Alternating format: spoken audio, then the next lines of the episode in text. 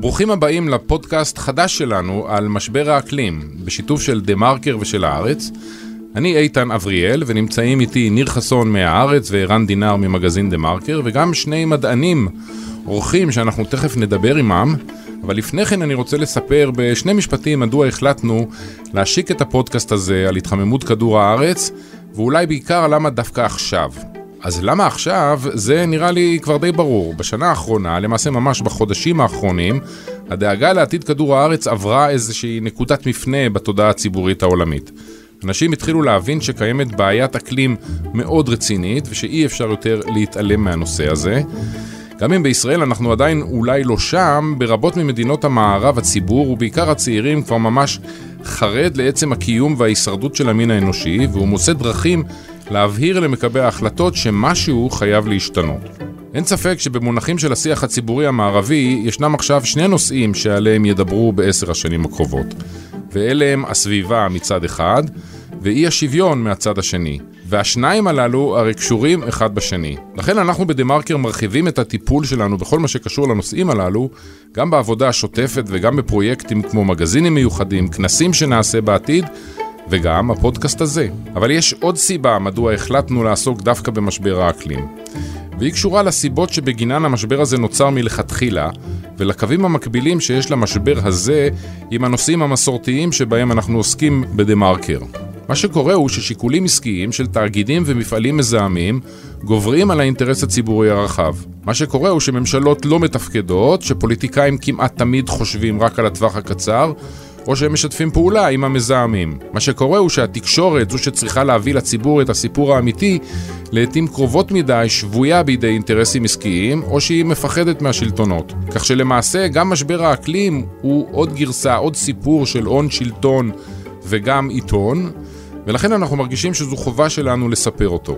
הפודקאסט הזה בנוי כסדרה. בכל פרק אנחנו נעסוק בנושא אחר, ולעיתים גם נדון בחדשות, ככל שיהיו כאלה. הפעם, בפרק הראשון, אנחנו רוצים להתחיל עם הבסיס, כלומר עם השאלות המדעיות, ולמה בכלל כדור הארץ מתחמם. לשם כך זימנו לאולפן שני אורחים, את פרופסור אלון אנגרט מהמכון למדעי כדור הארץ באוניברסיטה העברית, ואת פרופסור שלומית פז, ראש החוג לגיאוגרפיה ולימודי סביבה באוניברסיטת חיפה. שלום אלון, שלום שלומית, שלום גם לניר ולערן. שלום.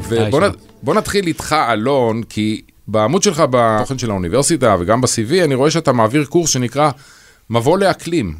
אז אולי זה בדיוק מה שאנחנו צריכים עכשיו, ופשוט תיתן לנו את המבוא הבסיסי ביותר. האם כדור הארץ מתחמם ולמה? בצורה הכי בסיסית, בני אדם כבר uh, למעלה מ-100 שנה קודחים, מוציאים נפט מהאדמה, מוציאים גז, מוציאים פחם. כשאנחנו שורפים את הדלקים האלה, אנחנו פולטים CO2. CO2 הוא גז שיש אותו בכמויות זהירות באטמוספירה, אבל יש לו שליטה מאוד חזקה על האקלים. לדוגמה, בתקופות קרח, לפני מאות אלפי שנים, הספיק ירידה זהירה, ירידה של 100 חלקים למיליון, 100 ppm בריכוז של הגז, וזה תרם תרומה אדירה לקור באותן תקופות קרח.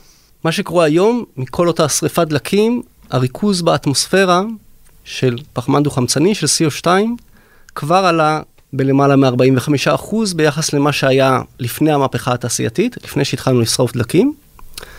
אבל בעצם אותם 45% זה רק ההתחלה.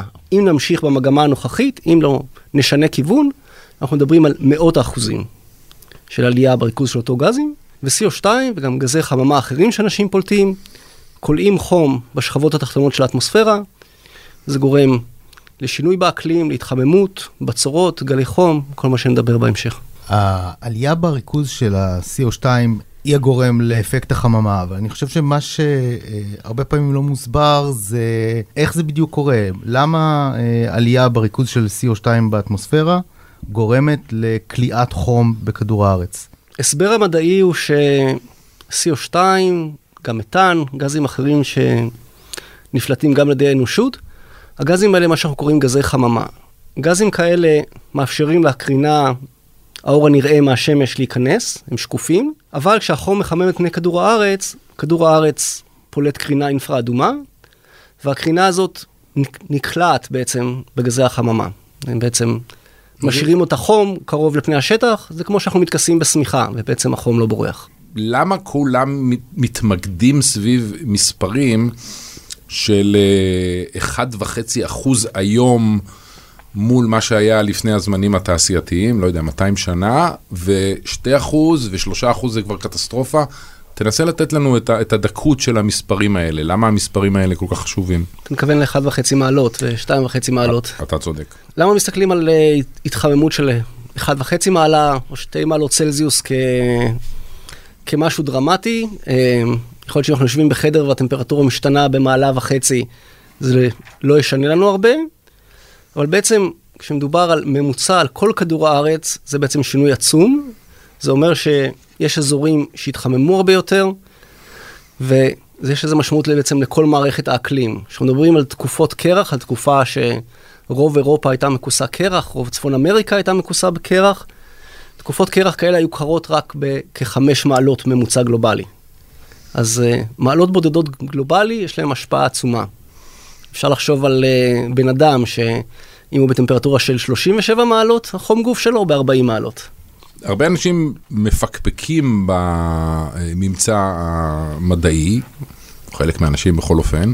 אני לא מדבר כרגע על מכחישים, אבל אנשים שלא בטוחים שבאמת המדענים יודעים על מה הם מדברים באמת, חושדים אולי באינטרסים של מדענים כאלה ואחרים לעשות את עצמם חשובים יותר, או, או, או מה שלא יהיה. ואז עולה נתון כמו 97% מהמדענים חושבים ש... ת, תסביר לנו מה עומד מאחורי ה-97% הזה, מה זה בכלל אומר הדבר הזה? קודם כל, באמת, יש קונצנזוס רחב בקרב uh, מדעני האקלים. אבל uh, מה שחשוב הרבה יותר זה שבעצם אין שום טיעון מדעי שעומד באיזושהי בחינה כנגד. אם מסתכלים על מה מתנגדים הכי גדולים, מסתכלים מה הם אומרים בפורום מדעי, לא כשהם באיזה בלוג uh, של תיאוריית קונספירציה. בכתיבה מדעית, כל מה שהם אומרים זה בעצם שכן, יהיה את ההתחממות, כל מה שאנחנו מדברים עליו יקרה, זה יקרה טיפה יותר מאוחר. אז לא היום, אז עוד כמה שנים. קודם כל, שינויי אקלים הם חלק מהווריאביליות הטבעית של uh, עברו של כדור הארץ. תמיד היו שינויי אקלים, כולם יודעים על תקופות קרח, על תקופות חמות, אבל בוודאי שלא בקצב הזה. שינויי אקלים בתקופות קדומות אירעו בגלל uh, גורמים שהם גורמים uh, אסטרונומיים, uh, בעיקר. עכשיו, uh, אנחנו היום נמצאים בתקופה שהיא חסרת תקדים מכמה סיבות. קודם כל, מעולם לא חיו בכדור הארץ למעלה משבעה מיליארד בני אדם. לא היה דבר כזה. אז זאת נקודה ראשונה שהיא באמת מראה עד כמה שאנחנו חיים ב, ב, בתקופה שאין אין, אין לה אח ורע מבחינת העבר של כדור הארץ. נקודה שנייה, שוב, בהמשך לדבריו של אלון, זה שקצב העלייה של גזי החממה, בעיקר CO2, גם מבחינת הקצב, גם מבחינת הערכים, השיעורים, גם הוא חסר תקדים, כאשר אנחנו משווים את זה, למשל, מודלים שמנסים באמת להעריך מה, מה היו הקצבים בשנים קודמות, כך שיש כאן באמת איזשהו קונצנזוס מדעי מאוד מאוד רחב.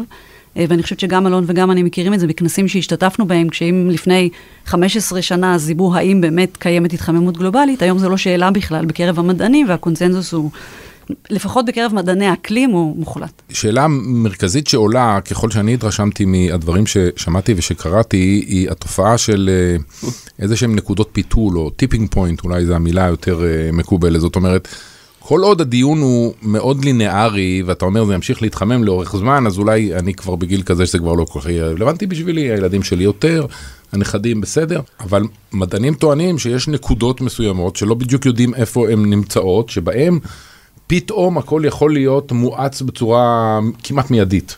אם זה מגיע לטמפרטורה מסוימת, או אם זה מגיע לאיזשהו סף מסוים, כל כדור הארץ יכול לדלג בעצם לאיזה נקודת שיווי משקל אחרת, שאולי שם נהיה אה, בכמה מעלות יותר אה, אה, חמים, ועם זה יבואו אסונות אה, אה, די איומים לאנושות. נסו להסביר לי ברמה המדעית למה יש את הנקודות האלה ואיך בכלל ניגשים לשאלה של איפה הן נמצאות.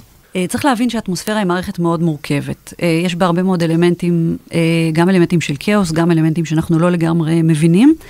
הכיוון, המגמה הכללית היא מגמה מאוד ברורה ומובהקת של עלייה. זה לא בהכרח אומר שאם שנת 2016 הייתה שנה אולי חמה מאז תחילת המדידות, בהכרח 2017 תהיה חמה ממנה. זאת אומרת, יש איזשהו רעש במערכת ש, שהוא באמת מורכב, והוא חלק מההתמודדות שלנו עם הבנת האקלים. למיטב הבנתנו, אכן יש נקודות שהתופעות אה, אה, באמת יוחמרו. לאחרונה התפרסם, לפני כמה חודשים התפרסם באמת דוח נוסף של IPCC, הפאנל הבין-ממשלתי ל... ל חקר שינוי האקלים או להתמודדות עם שינוי האקלים, ואותו דוח דיבר על הפערים בין אה, מצב שבו הטמפרטורה הגלובלית עולה במעלה וחצי לשתי מעלות. אה, קשה מאוד להצביע בדיוק על אותה נקודה שבה התרחש השינוי. אבל ברור שמה שנראה לנו אה, חצי מעלה, שאולי לרוב הציבור נראית זניחה, זאת אומרת, מודלים שמדברים על חוזים, מה יקרה ב- בסיטואציה של שינוי של מעלה וחצי, לעומת מודלים שמדברים על סיטואציה של שינוי של שתי מעלות, כבר ההחמרה מאוד מאוד ברורה. אבל במסגרת התופעות שקורות על הקרקע, שגורמות, שעלולות להביא אותנו למין tipping point כזאת, אה, מדברים בין השאר למשל על אה, גזי חממה שכלואים בתוך אה, קרחונים, שהם משתחררים. איזה עוד תופעות שמתרחשות עלולות להביא אותנו לאיזושהי קפיצה כזאת מתרחיש א' לתרחיש ב'? אחת הדוגמאות המסוכנות זה מה שקשור ל... למסת קרחונים. אנחנו שומעים על המסת קרחונים בגרינלנד ובאנטארקטיקה, שבינתיים זה קורה בקצב איטי. ובעצם התחזיות הרשמיות של ה-IPCC מדברות על המשך אותו תהליך איטי. אבל יודעים שיש שם נקודות שאם עוברים אותם, קרחונים מתחילים לזרום במהירות לים, להישבר ולהידמס, ובעצם עליית מפלס גלובלית מהירה. זה אחד הדברים המאוד מדאיגים, ובעצם אין יכולת כיום לחזות מה בדיוק הערך המדויק של התחממות, כשנגיע אליו זה יקרה. הטיפינג פוינט, תקנו אותי אם אני טועה, זה, זה השלב שבו המערכת הטבעית של כדור הארץ, במקום לסייע לנו ולקלוט גזי חממה ואיכשהו להפחית את, ה, את, ה, את תופעת ההתחממות, מתהפכת עלינו ומתחילה להאיץ את, את ההתחממות ואת כל התופעות שקשורות בה. אלון, אה, ממש בשבועות האחרונים בכמה וכמה כלי תקשורת אה, התפרסם שהמדענים העריכו בהערכת חסר את, אה, את הקצב של התחממות כדור הארץ ולכן גם של, של התופעות האלה. מאיפה זה בא, התחושה הזאת של מה שחשבו לפני מספר שנים, הוא, הוא כבר לא מדויק והמצב יותר חמור ממה שחשבו אז? אני לא חושב שהערכות מאוד השתנו. אם אנחנו מסתכלים סך הכל על ההיסטוריה של חקר שינויי האקלים, של משבר האקלים, אז המדע הבסיסי סך הכל אה, הבינו אותו בסוף המאה ה-19. תחילת שנות ה-70 כבר התחילו לחקור ולדבר על התחממות גלובלית מעשה ידי אדם, והמחקר הלך והתקדם, ואני חושב שמה שדיברו עליו בסוף שנות ה-80 ושנות ה-90 די דומה להיום. ג'ים הנסן, שהיה המדען הראשי של נאסא, העיד בפני הקונגרס בסוף שנות ה-80, נתן הערכות דומות למה שאנחנו מדברים עליו היום ולמה שקרה מאז. ככה ש... את המדע הבסיסי אנחנו יודעים, אני רוצה להדגיש שיש בעצם שלוש נקודות שאין אף מדען שיכול לחלוק עליהן. אנחנו יודעים, א', ש-CO2 הוא גז חממה, ככל שמוסיפים ממנו יותר לאטמוספירה העולם מתחמם. אנחנו יודעים שבני אדם הוסיפו וממשיכים להוסיף כמויות גדולות מהגז הזה לאטמוספירה. אנחנו יודעים כמה דלק שרפנו, כמה פחם שרפנו. אנחנו יכולים לחשב ולראות שהרבה מה-CO2 הזה עדיין באטמוספירה, גם מה ששרפנו לפני 100 שנה. אנחנו יכולים עכשיו אפילו לצאת החוצה, לקחת דגומת אוויר, אני יכול לקחת אותה למעבדה, ולמדוד ולראות ב-CO2 טביעת אצבעות של האנושות על CO2 ששם בחוץ. והנקודה השלישית, זה שכמו שמדענים חזו לפני עשרות שנים, האקלים הלך והתחמם. כלומר, סך הכל אה, נעשה פה תיאוריה מדעית, היא עמדה במבחן ניסויי והצליחה בו. וברור גם שככל שנוסיף עוד CO2 זה ילך ויתחמם. עכשיו יש המון שאלות ודקויות כמה בדיוק יתחמם, מתי נגיע לאותם טיפי פוינט שדיברנו עליהם. זה הרבה שאלות שאלפי מדענים בעולם עדיין עובדים עליהם, אבל תמונה גדולה, ברורה, והיא בעצם לא השתנתה כבר עשרות שנים. אם אנחנו חוזרים 30 שנה לאחור, לסוף שנות ה-80, דיברו הרבה על החור באוזון ועל uh, השפעות של זה על בריאות הציבור ודברים כאלה, אבל האזהרות מפני קטסטרופה אקלימית בכלל לא היו על הרדאר עד uh, נגיד העשור האחרון, או אולי קצת יותר. זה בגלל שהמדענים בעצמם לא היו בטוחים לאן זה מוביל, או שהייתה פה איזו בעיה להסביר את הקונסנזוס המדעי לציבור, או שלא הייתה נכונות לקבל. אה, למה בעצם אה, אנחנו עוסקים בזה רק עכשיו? קודם כל זה עלה למודעות באיזה גלים מסוימים, למשל אה, ב-2006, 2007 היה את הסרט של אל גור, של אמת מטרידה, וזה קצת עלה ונעלם חזרה. אפילו בישראל היה את השיר של אריאל זילבר, תגידו שלום לכל ערי החוף. כלומר, זה איכשהו היה במודעות, אבל כנראה הציבור העדיף להדחיק את אותה אמת מטרידה, במיוחד שדיברו על עוד הרבה זמן, ואנשים החליטו לעסוק באמת בטווח הקצר. ויכול להיות שגם המדענים חשבו שהם פשוט יסבירו 1, 2, 3, כמו שעשיתי קודם, את העובדות המדעיות, זה ייקלט בציבור, ומתברר שזה לא ככה. צריך גם לזכור שהיה הרבה מאמצים אה, להכחיש את זה. חברות uh, הנפט הגדולות כבר בשנות ה-70 ידעו על הבעיה, היה להם מחלקות מחקר שאמרו הולך להיות התחממות גלובלית, העסק שלנו בסכנה. אז דבר ראשון, חברות נפט כמו אקסן מובייל, שהיה להם מחלקת מחקר מאוד חזקה שדיברה על זה, דאגה ש... היא הסתירה את זה במידה מסוימת. הסתירה את זה, אז היא דאגה ששדות הנפט שהם מפתחים, יהיו, בים נגיד, יהיו מוכנים לעליית מפלס. מהצד השני, הם שכרו חברות לובי שהתמחו בהכחשה. איפה מצאו כאלה חברות לובי? הם הלכו לחברות לובי שעסקו בחברות טבק. ואותם אנשים שניסו לספר שסרטן אה, ריאות ומחלות לב לא נגרמות מסיגריות, אותם אנשים עברו להכחיש שינוי אקלים, ואפילו בנו קבוצות מיקוד ובדקו איזה טיעונים שקריים אבל נשמעים טוב לציבור, איזה טיעונים אפשר הכי למכור. וחברות שמקבלות אה, מיליארדי דולרים סובסידיות מהממשל האמריקאי, אז אה, ברור שיש להם הרבה כוח, לעומת כמה מדענים שמנסים להעביר את המסר. מכל הדברים שאתה אומר, אתה הכי יודע מכולם עד כמה המצב באמת בעייתי, מסוכן, יהיו תופעות. אישית, ל- ל- לילדיך, לנכדיך, אתה, אתה מרגיש אה, חרד? קודם כל, אה, באיזושהי רמה אני אופטימי. מה נותן לך, איזה סיבה יש לך להיות אופטימי מבחינת התגובה של האנושות לדברים כאלה? מתי כי... ידעה להתמודד עם אתגר מהסוג הזה? אה, כי אני חושב שאפשר להתמודד עם האתגר, ונראה שעכשיו יותר ויותר אנשים נרתמים לזה. גם הדיבורים על הכחדה וכולי הם כמובן מוגזמים. המין האנושי זה מין מאוד עמיד, אנחנו חיים מקו המשווה ועד הכתבים, אה, אין סכנה כזאתי. מה שאנחנו מדברים זה שבעצם לדורות הבאים, אפילו לצעירים היום, יהיו חיים הרבה יותר קשים, אם לא נתמודד עם משבר האקלים. אבל בעצם יש היום את הכלים ויש את היכולת להתמודד עם המשבר הזה. אז אה, אנחנו יכולים לדמיין לעצמנו עולם שבו כן החלטנו להתמודד עם משבר האקלים, ובעצם יש לזה יתרונות אדירים מעבר לזה, כי זה אומר שבמקום לשבת שעות בפקק כל יום, אנחנו נגיע לעבודה באיזה רכבת נקייה, נלך ברגל דרך איזה רחוב ירוק, ננשום אוויר הרבה יותר נקי. אתה רואה את ההזדמנות, את הפוטנציאל של ההזדמנות שזה יחייב את האנושות להשתפר באופן כללי.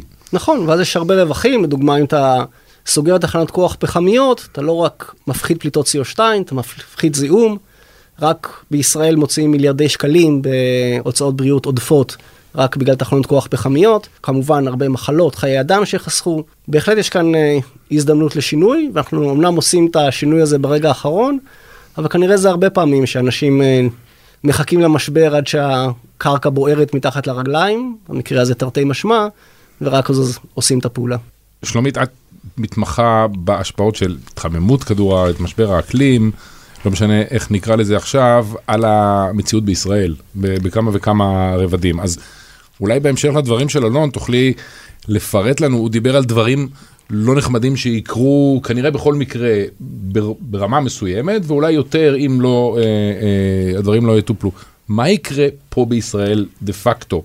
הים יעלה ל... ויעבור את, ה... את הטיילת בתל אביב וייכנס לשגרירות האמריקאית, על מה אנחנו מדברים?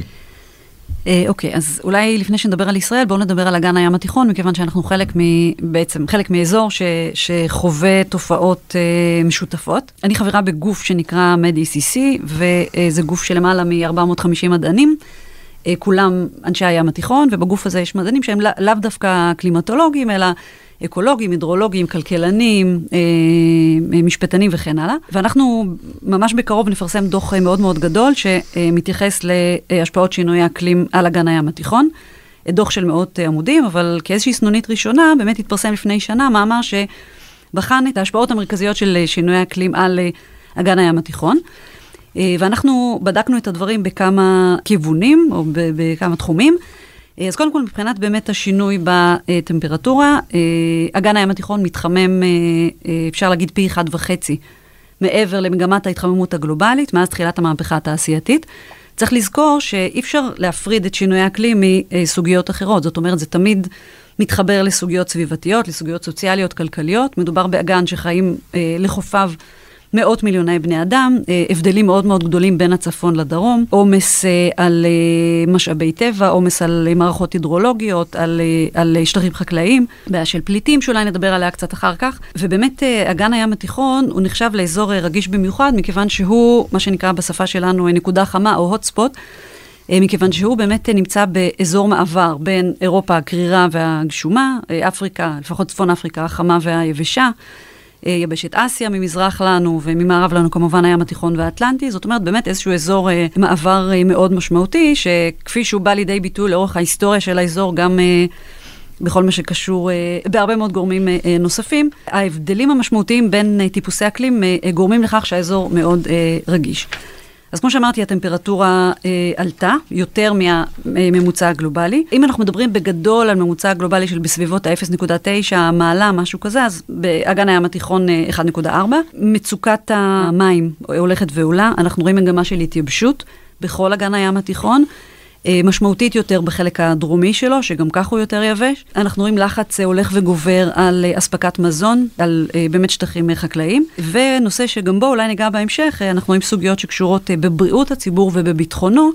לא ביטחון במובן של טרור חלילה, אלא יותר Human Security, גם הדברים האלה הולכים ונעשים יותר ויותר מורכבים. יותר גלי חום, גלי החום מתרבים מבחינת השכיחות שלהם, מבחינת המשך שלהם ומבחינת העוצמות שלהם. והתופעות הללו הן תופעות שאנחנו רואים אותן גם אצלנו בישראל. בדיוק לפני כמה ימים השירות המטאורולוגי פרסם דוח רשמי, אה, שבו הוא מתייחס אה, לשני פרמטרים משמעותיים. אחד זה המגמות של השינוי בטמפרטורה, והשני זה מגמות השינוי אה, במשקעים. אז לפי הדוח הממש של הימים האחרונים של השירות המטאורולוגי, הטמפרטורה הממוצעת בישראל בשנים 1950 עד 2017 עלתה ב-1.4 מעלות צלזיוס. אה, ואנחנו רואים עלייה בתדירות של מספר הימים והלילות החמים, ובמקביל ירידה בתדירות של אה, אה, הימים והלילות הקרים. לכך יש משמעות, למשל מבחינת עומסי חום, מכיוון שאם... ובריאות האדם, מכיוון שאם יש מצב של עומס חום מאוד מאוד כבד במהלך היום, בשעות הלילה לפחות תהיה הקלה. אבל ברגע שגם בלילה לא מגיעה הקלה, זה מגביר את ה, בעצם את העומס על, על הפיזיולוגיה על גוף האדם. אה, מגמת ההתחממות בולטת יותר בעונת הקיץ. אנחנו יודעים ממחקר אה, אחר, לא, לא זה של השירות המטאורולוגי, שאנחנו רואים גם עלייה בלחות היחסית, והשילוב של לחות יחסית וטמפרטורות גבוהות הוא זה שיוצר את עומסי החום. אני מניחה שפה בתל אביב מרגישים את זה יותר. ובאשר לשינוי בגשם, אז בשלושים השנים האחרונות יש מגמת הפחתה בכמות המשקעים הכללית. אמנם בשנה שעברה היה חורף אה, באמת... אה, מצוין מבחינת כמות המשקעים, גם התפרוסת שלהם, אבל בגדול קיימת מגמה של הפחתה. גם אם היא אינה מובהקת סטטיסטית, אנחנו כן רואים מגמה, אני באופן אישי גרה בצפון הארץ, ואנחנו ממש רואים את הירידה הזאת לאורך השנים בכמויות המשקעים. אה, בצפון, רואים את זה בנתונים הידרולוגיים למשל, של הזרימות בנחלים, ואנחנו גם רואים שינוי בהתנהגות של הגשם. אה, אנחנו רואים פרקי יובש ארוכים, יותר מאלה שהיו בעבר, ואירועי גשם יותר קיצוניים. זאת אומרת, אנחנו מקבלים כמויות גבוהות יותר של משקעים. בפרקי זמן קצרים יותר, וזה בעצם מה שגורם להצפות. אני, אני צריך הסבר מדעי פה קצר. למה בנוסף אנחנו מקבלים את המעט שאנחנו כבר אה, נותר לנו לקבל בצורה יותר אלימה של אירועים, יותר סופות, יותר אה, תופעות טבע חריגות? אולי אני אתן דוגמה דווקא ממה שקורה. אני, אני אלך למערכת אה, שאולי קצת יותר קל להסביר אותה, שהיא הרבה יותר אה, אה, דרמטית ואגרסיבית, ואלה ההוריקנים. ההוריקנים שלמזלנו הטוב אה, לא קיימים באזור שלנו, וככל הנראה גם לא יהיו. אבל אנחנו רואים בשנים האחרונות עלייה בעוצמתם של, ה, אה, של ההוריקנים. באטלנטי. באטלנטי, של ההוריקנים העוצמתיים יותר. לא בטוח שיש עלייה במספרם של ההוריקנים, אבל יש עלייה בהוריקנים שדרגתם היא 4 ו-5, העוצמה שלהם. המדענים סוברים שמדובר בעצם באיזושהי תוצאה של ההתחממות של האוקיינוסים. לא רק האוויר מתחמם, גם האוקיינוסים מתחממים. קיבולת החום בתוך האוקיינוסים גם היא הולכת ועולה. מדובר במערכות שנוצרות כאשר אוויר חם מעדה מים מהאוקיינוס. זאת אומרת, כשהאוויר יותר חם, כשהאוקיינוס או מהים בהקשר שלנו גם הם יותר חמים, אנחנו מקבלים מערכת שהיא יותר עוצמתית. סביר מאוד להניח שבקנה מידה יותר קטן, זה כנראה גם אחד ההסברים באזור שלנו. נקבל מעט מערכות גשם, אבל כשזה יגיע זה יהיה חזק. בעוצמה גדולה יותר, ואגב, גם זו תופעה שכל מדינות אגן הים התיכון מדווחות עליה. לא, רק רציתי לציין שאנחנו בתחילת דצמבר וסביב השולחן יושבים לפחות שני אנשים עם חולצה קצרה ואחד מהם הגיע מירושלים. ואני הגעתי מהגליל, אז אה, כן, גם אצלנו. כל הנתונים האלה הם, הם סיכום של מה שהיה עד עכשיו, ההתחממות שנצפתה ונרשמה. מה את יכולה להגיד לנו לגבי תחזית קדימה של הדברים. נכון שזה בהינתן מה שבני אדם יעשו, אבל בוא נניח שבני אדם יעשו את מה שחושבים שבני אדם יעשו, או שלא יעשו שום דבר. מבחינת תחזיות קדימה, אז שוב, יש כל מיני מודלים. יש מודלים אה, שאנחנו מגדירים אותם כמודלים של מה שנקרא עסקים כרגיל, כלומר ללא שינוי. אה, יש מודלים שמתייחסים למצב שבו יש אה, הגברה של, של אה, פליטות של גזי חממה. יש מודלים שמדברים על מצב של, של מיטיגציה, זאת אומרת של הפחתה ושל מיתון. השירות המטאורולוגי, מהדוח האחרון שלו, מדבר על כך שמהתקופה הנוכחית ועד סוף 2050, הטמפרטורה הממוצעת צפויה לעלות ב-0.9 מעלות צלזיוס בתרחיש האופטימי, ויותר מכך, זאת אומרת במעלה נקודה 2 אה, בתרחיש הפסימי. ושוב, לעלייה כזאת של חלקי מעלה, גם היא מאוד מאוד משמעותית.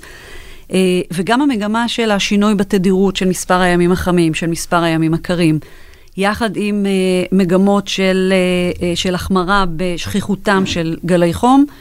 שוב, בעוצמות שלהם, במשך שלהם, המגמות האלה צפויות להחמיר, גם בישראל, גם בים התיכון כולו. אז אנחנו על כמעט 2020, ב-2050 יהיה לנו כעוד מעלת בטמפרטורה uh, הממוצעת. למה זה יגרום? אנחנו חושבים שזה יגרום להחמרה של כל התופעות שאנחנו רואים עכשיו. זאת אומרת, הקיץ יהיה חם יותר, גלי החום יתרבו, אה, אירועי הגשם יפחתו, זאת אומרת פשוט לקחת את מה שאנחנו כבר חווים עכשיו ולהחמיר אותו. אבל מה, מה ההבדל בין התרחיש הפסימי לאופטימי מבחינת uh, התופעות? Uh, למה אנחנו יכולים לצפות? ב-0.9 מעלות לעומת 1.2. מאוד קשה להעריך, uh, בדיוק לתת מספרים מדויקים. יש הערכות שמדברות על באזור X תהיה למשל uh, עלייה של Y מקרים של תמותה בגלל גלי חום. אה, באזור אחר, אנחנו רואים התרחבות של אזורים שמאופיינים בעלייה בתחלואה ממחלות שמועברות על ידי יתושים. מאוד מאוד קשה לדבר על ערכים מדויקים, אנחנו מדברים בעיקר על אה, כמובן. מגמות. צריך להגיד שכשאנחנו מדברים על ההשפעות על ישראל, צריך לדבר גם על ההשפעות על השכנות שלנו ואיך אנחנו נושפע מזה. באחד המאמרים שקראתי מדובר, שדיבר דווקא על אירופה, אז דיברו על, על כך שלונדון ב-2050 תהיה חמה כמו מדריד, מדריד תהיה חמה כמו קהיר, ואז אתה שואל את עצמך, אוי אלוהים, מה יהיה בקהיר? ומה זה יעשה לקהיר, ומה זה יעשה למצרים, מה זה יעשה למדינות השכנות שלנו, שהיכולת שלהן גם להתמודד עם משבר האקלים היא, היא, היא פחותה מאשר מדינה כמו ישראל, וגם ההשפעה עליהן, אם אני מבין נכון, ככל שאנחנו יורדים דרומה, לפחות באזור שלנו, ההשפעה תהיה חזקה יותר, ההשפעה עליהן תהיה הרבה יותר דרמטית, ומה זה יעשה לכל הגיאופוליטיקה פה מסביבנו. אני חושבת שאנחנו צריכים להיזהר, אה, אני לא יודעת אם באמת מדריד תהיה חמה כמו קהיר. אה, מדריד זו עיר שמאופיינת בטמפרטורות אה, די, זאת אומרת, בהבדלים מאוד גדולים בין חורף לקיץ, אבל באמת זה איזשהו ביטוי ש, שמכוון לכך שה, שבאמת תהיה הקצנה מאוד מאוד גדולה מבחינת הערכים שאנחנו מכירים היום. כבר היום יש ימים שבהם הטמפרטורות במדינות המפרץ הפרסי עוברות את ה-50 מעלות, ויש הערכות שבעתיד יהיה מאוד מאוד קשה לחיות שם. אז באמת עם היכולות הכלכליות שלהם, קשה לדעת אה, מה, לאן הדברים ילכו שם, אבל ברור שהחיים נעשים אה, אה, יותר ויותר קשים, ואנחנו רואים את זה בעונות הקיץ האחרונות, טמפרטורות שוברות שיאים, בצרפת נמדדו 44 מעלות, נדמה לי במערב צרפת, מדינות מזרח אירופה שלחלוטין לא ערוכות להתמודד עם גלי חום, גם הן חוות טמפרטורות מאוד מאוד קיצוניות. וצריך לזכור שמעבר לכל הנושא של, של גלי חום והשפעתם הפיזיולוגית על האדם, יש לכך המון היבטים, כמו אה, למשל שריפות, שאנחנו רואים שהולכות ו, ומתרבות ומתעצמות ומתפשטות בהרבה מאוד אזורים. בקי, בקיץ 2018 היה, היו שריפות קשות מאוד בשוודיה, זאת אומרת, אזורים שבכלל לא, לא יודעים איך להתמודד עם הדבר הזה. כולנו שמענו על השריפות לאחרונה באוסטרליה. קליפורניה חווה שריפות מאוד מאוד קשות אה, בקנה מידה אדיר. אה, שנה אחרי שנה, כך שכמובן זה לא רק גלי החום, אלא כל ההשפעות אה, שלהם. וגם אצלנו השרפות של 2016 היו אחרי אה, סתיו מטורף, עם נתונים... שלא היה אף פעם. נכון, היום אנחנו מדברים על כך שבאמת העונות המסוכנות יותר לשריפות, אלה עונות הסתיו. זאת אומרת, בעיקר אוקטובר, נובמבר, אלה החודשים שאנחנו חוששים מהם אחרי תקופה מאוד מאוד ארוכה של יובש, הרבה מאוד חומר בעירה בשטח, וזה נכון. אם כבר דיברת על מצרים, אז uh, צריך לקחת בחשבון שעמק הנילוס הוא נמוך, אם מדברים על עליית מפלס אפילו של מטר אחד, כתוצאה מהמסד קרחונים, אנחנו מדברים על זעזוע אדיר כאן, אם ראינו כמויות קטנות יחסית של פליטים שיצאו מסוריה, מאיזה משבר שהתחיל כנראה כתוצאה בצורת שהובילה לתושבי כפרים שזזו לערים, ואי יציבות פוליטית, ואיזשהו גל פליטים שהשפיע על כל אירופה. אז uh, מה שיקרה במצרים, עליית מפלס, זה משהו בסדר גודל אחר. אז זהו, אלון, אולי, אולי תנסה להסביר את, ה, את הבסיס המדעי של, של uh, עליית פני הים מבחינת הקרחונים. אני מבין שהסיפור הוא שונה באנטארקטיקה ובגרינלנד וב, ובקוטב הצפוני. איפה זה קורה יותר, ואולי גם משהו לגבי העוצמות של הדברים האלה. זאת אומרת, בכמה הים עולה, גם בחוף הים בתל אביב לצורך העניין, כתוצאה מאותה הערכה של עוד מעלה ב-30 שנה. שוב, כמו שאמרתי, זה משהו שמאוד קשה לחזות. כרגע אנחנו רואים עלייה בקצב איטי, שקרחונים לאיתם נמסים, וגם פשוט מי הים, בגלל שהם חמים יותר, כמו כל חומר, מתפשטים, תופסים יותר נפח כשהם מתחממים. החשש הוא מתהליכים דרמטיים. לדוגמה, בגרינלנד רואים כל קיץ שנוצרים חריצים בקרח, ובעצם מים נכנסים לתוך החריץ, מתיישבים מתחת לבסיס של הקרחון, ובעצם משמנים את המשטח בין הקרחון לבין הסלע, ומאפשרים לקרחון לזרום יותר מהר. ואז הוא זורם לים, והוא מגיע למקומות יותר חמים, ושוב פעם... נשבר, מגיע לים, נשבר, מגיע למקומות יותר חמים ונמס. באנטארקטיקה מדברים על תהליכים אחרים, מדברים שיש איזשהו קו של סלע שהוא טיפה בולט, שהוא מעל מפלס הים ומחזיק את הקרחון. אם מפלס הים עולה, ואם נכנסים שם מים חמים, אז הם בעצם מנתקים את הקרחון מהסלע, ושוב, אותו תהליך של התמוטטות מדפי קרח. אנחנו יודעים שזה קרה בעבר הגיאולוגי, אנחנו יודעים שהיו תקופות מעט יותר חמות מהיום, שבהם מפלס הים עלה בחמישה מטרים. השאלה היא באיזה קצב זה יקרה, האם זה יקרה תוך מאות שנים או שזה יקרה תוך עשרות. ואת זה קשה מאוד להעריך. אנחנו יודעים שככל שנגביל את ההתחממות, פחות נתקרב לסכנות האלה. אנחנו קוראים במקום שיש עכשיו משלחת של מדענים שיושבים באזור, נדמה לי, בחלק הצפוני של כדור הארץ, בקוטב הצפוני, ששם הטמפרטורה לא אפילו פי שתיים מאשר היא עולה בשאר העולם. על מה מדובר? כן, בעצם התחזית מראש שדיברו על התחממות גלובלית, התחזית הייתה שהכתבים יתחממו בקצב מואץ יותר, במיוחד הקוטב הצפוני, מאשר שאר האזורים, ואז יש לזה השלכה גם על זה שקרחונים נמסים, גם זה שקרח שצף בים, לא קרחונים ביבשה, אלא שכבות דקות של קרח שצף בים הולכים ונעלמים. כתוצאה מזה, במקום משטח לבן שמחזיר קרינת שמש לחלל, יש לנו משטח כהה של מי ים שסופג את קרינת השמש, והחום מתגבר. גם ראינו בשנים האחרונות שהעובדה שיש פחות קרח בים, משפיע בעצם על הרוחות מסביב לקוטב הצפוני, וזה משפיע על מזג האוויר באירופה ובצפון אמריקה, חלק מאותם גלי קור שדווקא ראינו בעשור האחרון. מה, מה בכל זאת אנשים יכולים, אה, אה, איפה הם יכולים להפעיל שיקול דעת בהתנהלות היומיומית שלהם מול, מול התחזיות שאתם אה, בעצם מדברים? כי אנחנו, יש לנו איזושהי שיחה כללית. התמונה הגדולה די, די ברורה, אחרי זה אנחנו לנו הרבה מאוד שאלות לגבי לאן זה הולך. ובסוף די מעט החלטות או המלצות מה לעשות בפועל. וזה קצת פער מוזר. אה, זה נכון שיש כאן באמת איזשהו פער בינינו האנשים הפשוטים שלא מקבלים את ההחלטות הגדולות וכבדות המשקל לבין אה, באמת מקבלי ההחלטות, אבל ההחלטות ש, שעתידות להתקבל בזמן הקרוב צריכות להיות החלטות מאוד קשות והחלטות uh, כואבות. התשובה שלי מאוד פשוטה ואולי טריוויאלית, אבל אני חושבת שברגע שאנחנו נבין שאנחנו חלק מאיזשהו משהו מאוד מאוד גדול, זה צריך לגרום לשינוי בהתנהלות של כל אחד מאיתנו. זאת אומרת, כל אחד מאיתנו משפיע על, על, על הסיפור הגלובלי הזה. ואגב, אחת הטענות תמיד ב, של, של אה, מדינת ישראל היא, אנחנו מאוד מאוד קטנים, אנחנו פולטים משהו כמו 0.3 אחוז, אלון תקן אותי אם אני טועה.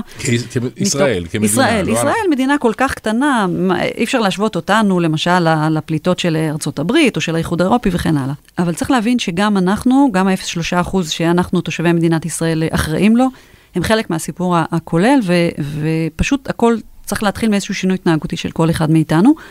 אה, כדי שנוכל לבצע את השינוי התנהגותי הזה, אנחנו באמת זקוקים לעזרה מאותם אנשים שהם אה, קובעי מדיניות ומקבלי החלטות, כמו למשל אה, שיפור של תחבורה ציבורית, החלטות אמיצות לגבי מעבר ל... באמת אנרגיה שהיא אנרגיה מתחדשת, פחות השקעה ב... עכשיו, עלה, עולה לכותרות כל הנושא של הגז, שבמשך שנים סיפרו לנו כמה שגז הוא ידידותי לסביבה, וזה כמובן לא נכון, הגז אולי פחות מזיק מפחם ומנפט, אבל גם הוא מלווה בפליטה של גזי חממה בוודאי. אה, ולכן צריכות להתקבל החלטות אה, אמיצות, משמעותיות, באמת ברמה הלאומית, לגבי אה, עידוד המעבר אה, ולא באחוזים בודדים, אלא ברמה הרבה יותר רחבה, המעבר לאנרגיות אה, מתחדשות.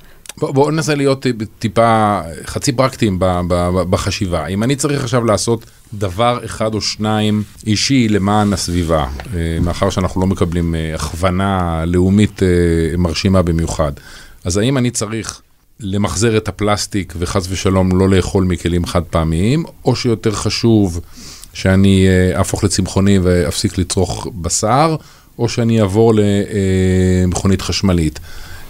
תנסה לתת לי ברמה של הצריכה של ייצור של בן אדם, את כמות הפחמן, איפה אני יכול להשיג, להגיע להישגים יותר מרשימים. אני חושב שדבר ראשון בתור אדם פרטי, אתה צריך להביא את זה למודעות של הפוליטיקאים, שזה נושא שחשוב לך. כי, כי זה מה שדבר ראשון יביא לשינוי. אם יהיה הרבה אנשים שילחצו על הפוליטיקאים, לכך שיטילו משהו כמו מס פחמן, שישנה דברים בצורה דרמטית. דברים שאתה עושה בצורה פרטית, אז uh, יש הרבה דברים, יש אנשים שנגיד לא עוברים להיות צמחוניים, אלא מורידים את צריכת הבשר, עוברים לתחבורה ציבורית. אחד מהצעדים הדרמטיים שמדברים עליו זה להפחית את כמות הטיסות. צריך להגיד שמחקרים שנעשו על זה אומרים שהדבר הטוב ביותר שאתה יכול לעשות זה קודם כל לא להגדיל את המשפחה שלך. זאת אומרת, להביא ילד אחד פחות זה, זה by far ה... הדבר הטוב ביותר שאתה יכול לעשות כדי להקטין את הפליטות שלך. ובאמת אני חושב שהדבר השני הטוב ביותר זה, זה להיות מעורב ול, ולהביא את הסוגיה, להפוך את הסוגיה האקלימית הזאת לסוגיה פוליטית. זאת אומרת, לדרוש את הדבר הזה בכל רמה, זאת אומרת, גם, גם מראש העיר שלך וגם מחבר הכנסת שאתה, שהמפלגה שאתה מצביע לה, להעלות את זה בשיח, כי ישראל, צריך להגיד, מאוד מפגרת מאחור ברמת השיח שלה על הנושא הזה.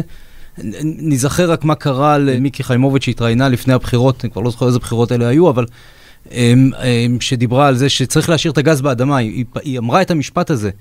וכמה לעג וכמה עלבון היא ספגה אפילו מראש הממשלה, ו- ועד היום זה נדבק בה.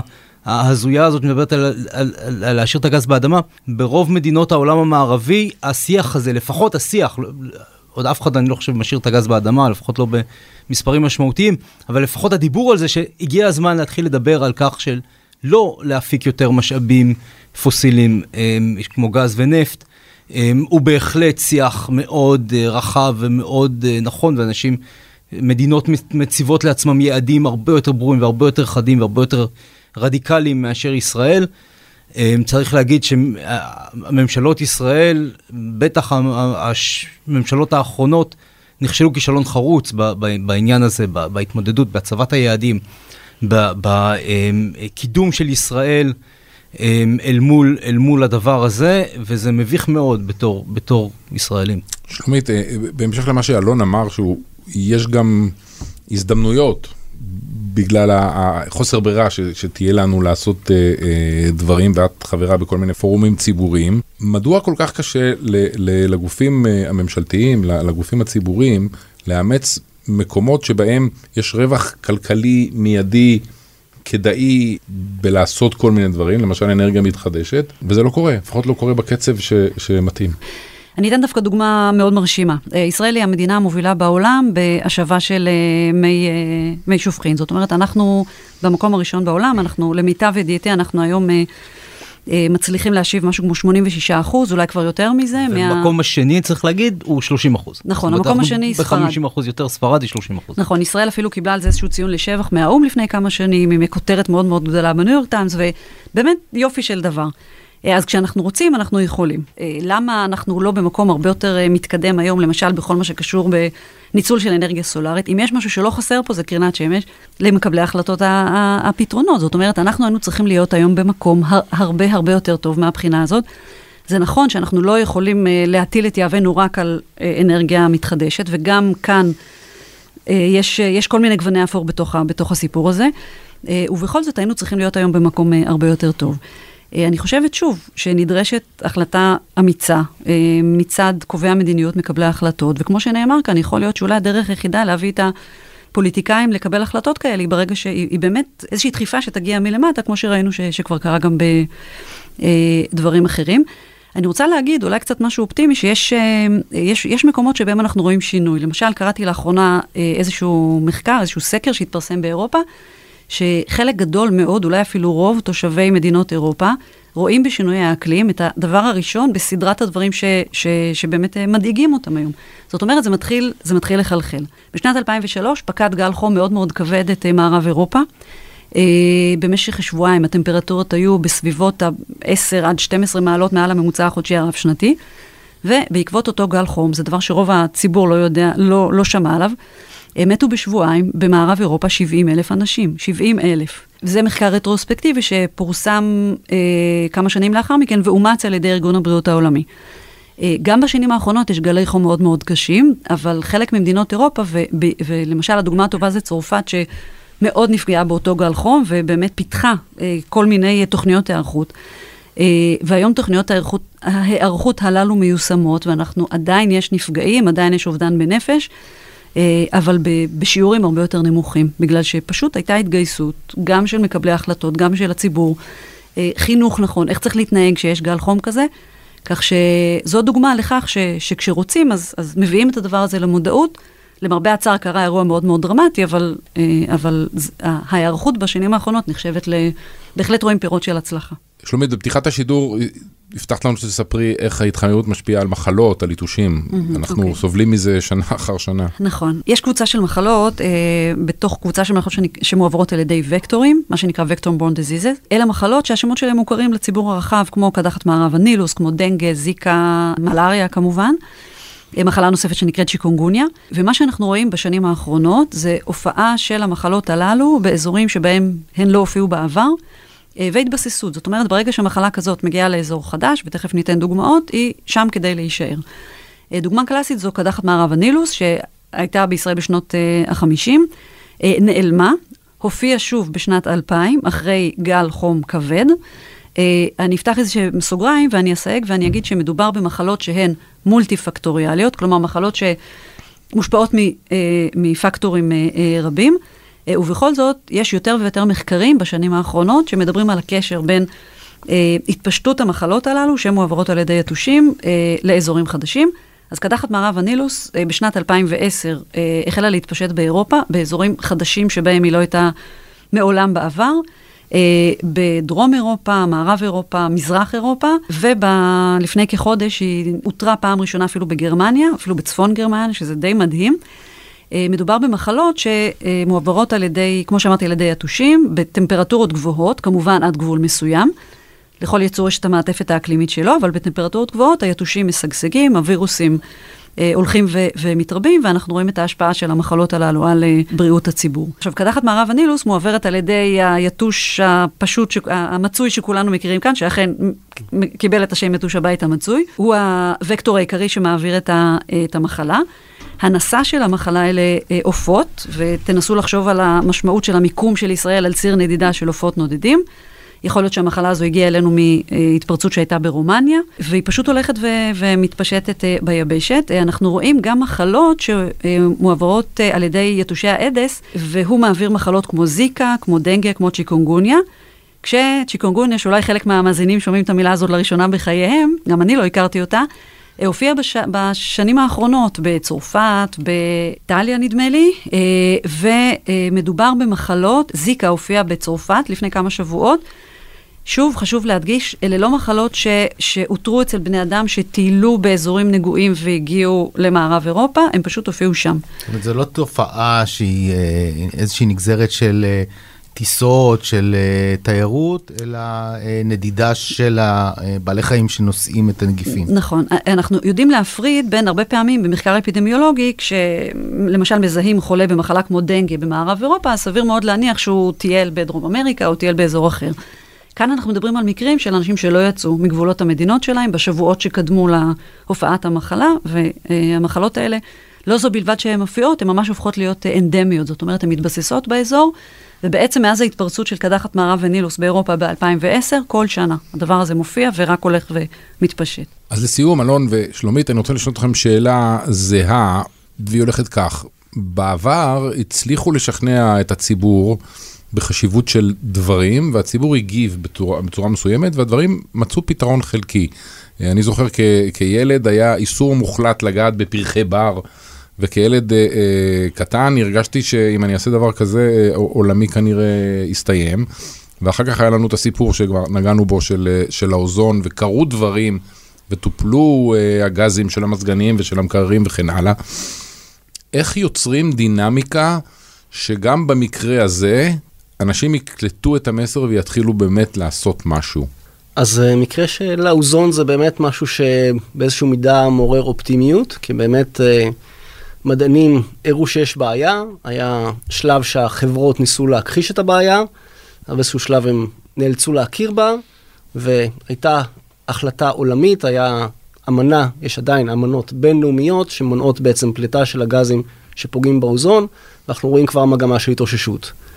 אז מהבחינה הזאת זה מאוד מעודד. אה, את הבעיה של האוזון אולי היה יותר קל להסביר. כי, כי ש- היא יותר תחומה וברורה וצרה? כן, וגם יותר בטווח הקצר, לא, לא יהיה אוזון, תקבל סרטן עור. הילדים שלך יקבלו סרטן עור. זה משהו שאולי יותר קל להסביר. וגם הפתרון היה הרבה יותר קל, כי גזים של מזגנים, או מה שיש בספרי, זה חלק קטן מאוד מהכלכלה העולמית. כשמדברים על אה, פליטת CO2, אז זה הפקת אה, אנרגיה, שריפת דלקים, זה מה שמניע את רוב הכלכלה העולמית. אז uh, ברור שמדובר כאן על אתגר הרבה יותר גדול, אבל בכל זאת הסיפור של האוזון נותן לנו איזה דוגמה בזעיר אנפין, איך אפשר בכל זאת להתמודד. וכן, הדבר הראשון שצריך זה באמת שהציבור הרחב יבין את הבעיה, ואולי זה מה שאנחנו עושים פה עכשיו. הוא יראה את האיום, אנחנו נקבל אה, עיתוש אה, שיהרוג אותנו באיזה וירוס קטלני. אה, אני דווקא רוצה לסיים אולי ככה קצת יותר אופטימי ולדבר על, דיברנו קודם על קובעי מדיניות ועל מקבלי ההחלטות, בואו נדבר על דור העתיד, נדבר על ילדים ונוער. אנחנו ראינו ב, באמת בדוגמאות שאתה איתן נתת קודם, אם זה הנושא באמת של האיסור לקטוף פרחי בר, ו, ובהמשך באמת החינוך של הציבור לחסוך במים, במידה רבה זה הגיע מ- מילדים. זאת אומרת, זה הגיע מחינוך, זה הגיע מילדים ששמעו בבתי הספר שלהם, אה, או בגנים אפילו, אה, כמה חשוב לחסוך במים, ויש אפילו עבודות שמראות כמה שה... אה, כמה שהילדים, אה, הם, הם הביאו את, ה, את המודעות הזאת אה, באמת לדור ההורים שלהם ולעולם המבוגרים במרכאות. אה, ואנחנו רואים היום ברחבי העולם, מהסיפור הידוע של גרטה, וגם גם בארץ רואים איזושהי התעוררות מאוד מאוד יפה של בני נוער. אה, לאחרונה התקיימה אה, ועידת האקלים הישראלית, ובוועידה אה, חולקו פרסים אה, על ידי נשיא המדינה לזכרה של אה, נחמה ריבלין, אה, זיכרונה לברכה רעייתו. ובאמת אה, אה, היו ארבעה גופים שקיבלו את הפרס, ו- ואני מאוד שמחתי לראות שהראשונים שקיבלו את הפרס אלה באמת אותם בני נוער שמובילים בארץ את אה, מחאת האקלים. כך שיכול להיות שאולי, כמו בהרבה דברים אחרים, התקווה שלנו היא בדור הצעיר.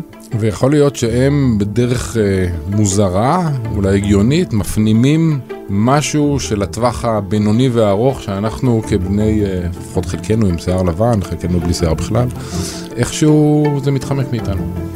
תודה לכולם, תודה רבה. תודה רבה. תודה רבה.